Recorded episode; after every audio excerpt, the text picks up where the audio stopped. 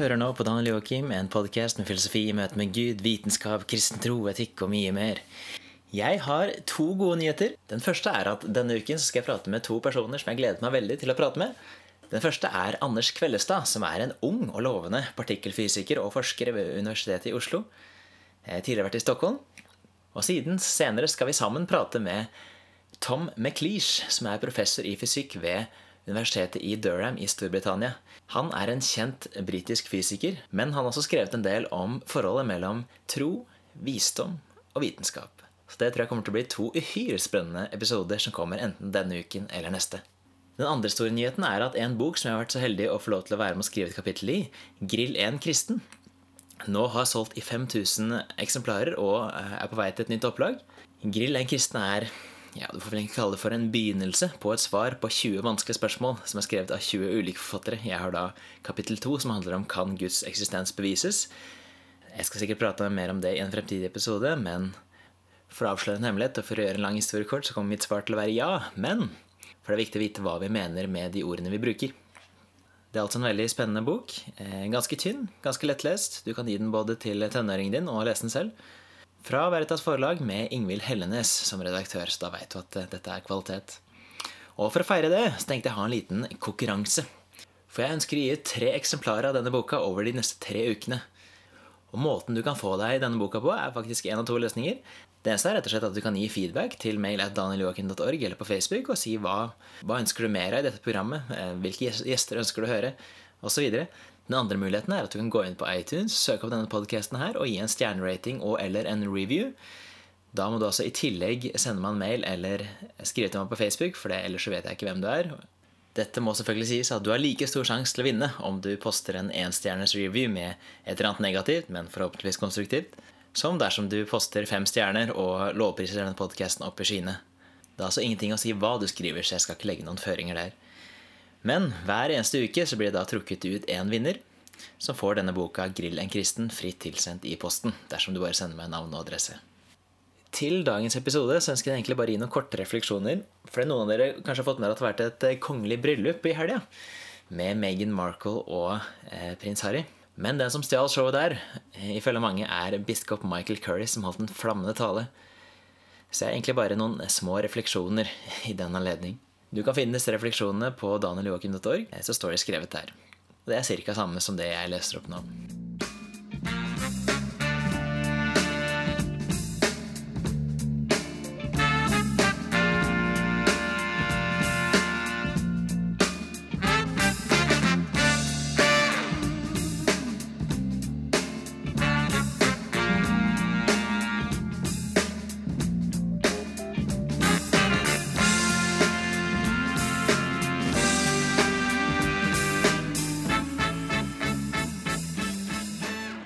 Tittelen er 'Hvem kan tro på Michael Curry'? Det sies at en gang så ble den skotske skeptiske filosofen David Hume sett i Londons gater en tidlig lørdag morgen. Han hadde reist 30 mil for å høre predikanten George Whitfield. En annen tilhører den dagen oppdaget han og utbrøt i forundring. Er ikke du David Hume? Du tror da ikke på et ord av det denne mannen sier? Nei, svarte Hume før han la til, men det gjør han. Og poenget med det er at det kan være ganske sterkt. Bare det å høre en person som preker lidenskapelig over et budskap som han selv mener er sant. Og effekten på lørdag med det kongelige bryllupet gir oss grunn til å tro at denne historien kan være sann. Eh, fordi Meghan Markle og prins Harry har lovet hverandre evig troskap foran milliarder av seere. Men en av de store snakkisene i etterkant har likevel vært talen. Biskop Michael Curry fremførte budskapet sitt om kjærlighet med en lidenskap og en inderlighet som gjerne er servert til enkelte såkalte black churches på andre kontinenter enn vårt eget. Talen har blitt hyllet i etterkant langt utover kristensfæren. Det som likevel er ironisk, er at en stor andel av dem som hyller innholdet i Currys budskap, holder til en virkelighetsforståelse som ikke tillater dem å tro på det. Så hvis vi leser et lite utdrag fra talen til Curry, så står det The late Dr. Martin Luther King once said, and I quote, We must discover the power of love, the redemptive power of love. And when we do that, we will make of this old world a new world, for love is the only way. There's power in love. Don't underestimate it. Don't even over sentimentalize it. There's power, power in love. If you don't believe me, think about the time when you first fell in love. The whole world seemed to center around you and your beloved. Oh, there's power, power in love. Not just in its romantic forms, but any form, any shape of love.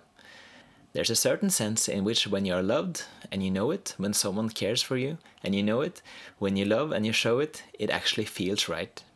There's something right about it, and there's a reason for it. The reason has to do with the source. We were made by a power of love, and our lives were meant and are meant to be lived in that love. That's why we are here. Men det å tro på kjærlighet slik det beskrives her, og tro at kjærlighet har en slik kraft, det forutsetter noe. Det forutsetter at man kan tillates å tro at kjærlighet er noe over og forbi de evolusjonært programmerte kjemiske utskillelsene som opplevelsen av kjærlighet vanligvis instansieres i i våre dagligdags opplevelser. For eksempel, om jeg elsker barnet mitt eller ektefellen min bare fordi det har vist seg at gjennom generasjoner av premenneskelige og menneskelige skapninger har dette kumulativt hjulpet et større antall skapninger og spre et større antall gener, burde jeg stille meg selv noen spørsmål. Det betyr ikke nødvendigvis at jeg ikke burde elske barn og ektefellen min, men det betyr også at denne kjærligheten neppe er noe utover dette. Om man ikke tror at naturen har en iboende hensikt, eller at naturen reflekterer noe forbi seg selv, er det ingen grunn til å tildele disse opplevelsene av kjærlighet noen større mening. Men om kjærlighet er noe over og forbi kjemiske utskillelser, oppstår enda flere spørsmål, for vi må nå spørre oss selv hvilke metafysiske påstander det forplikter oss til. Antageligvis så faller de fleste sekulære livssyn her.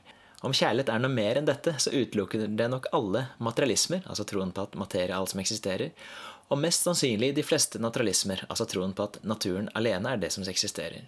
Kort fortalt, da kommer de fleste kjente ateismene til kort. Mange ateister eller agnostikere kan nok likevel tro at kjærlighet er noe større. Det er et spørsmål om epistemologi eller erkjennelse. Men det betyr ikke at de har en virkelighetsforståelse som rettferdiggjør dem i å tro på det. For det er et spørsmål om ontologi eller virkelighet. Og i Norge og Storbritannia i 2018 så er det ingen lov mot å være inkonsistent. Heldigvis. Og det gjenkjenner biskop Curry også.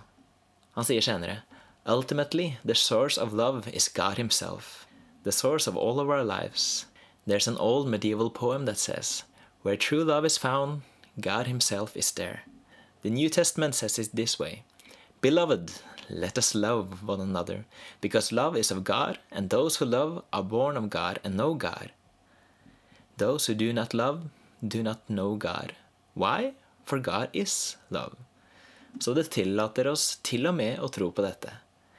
That's what love is. Love is not selfish and self centered. Love can be sacrificial, and in so doing, becomes redemptive. And that way of unselfish, sacrificial, redemptive love change lives. And it can change the world. Thomas Akinas definerte kjærlighet slik. To love is to will the good of someone. Så det gir derfor god mening at skaperen av alt også må kunne kalles for kjærlighet. Fordi om kjærlighet er å ville det gode for en annen, så kan det ikke eksistere en større kjærlighetshandling enn det å skape et helt univers. Fordi eksistens er det første gode, forut for alle andre mulige goder.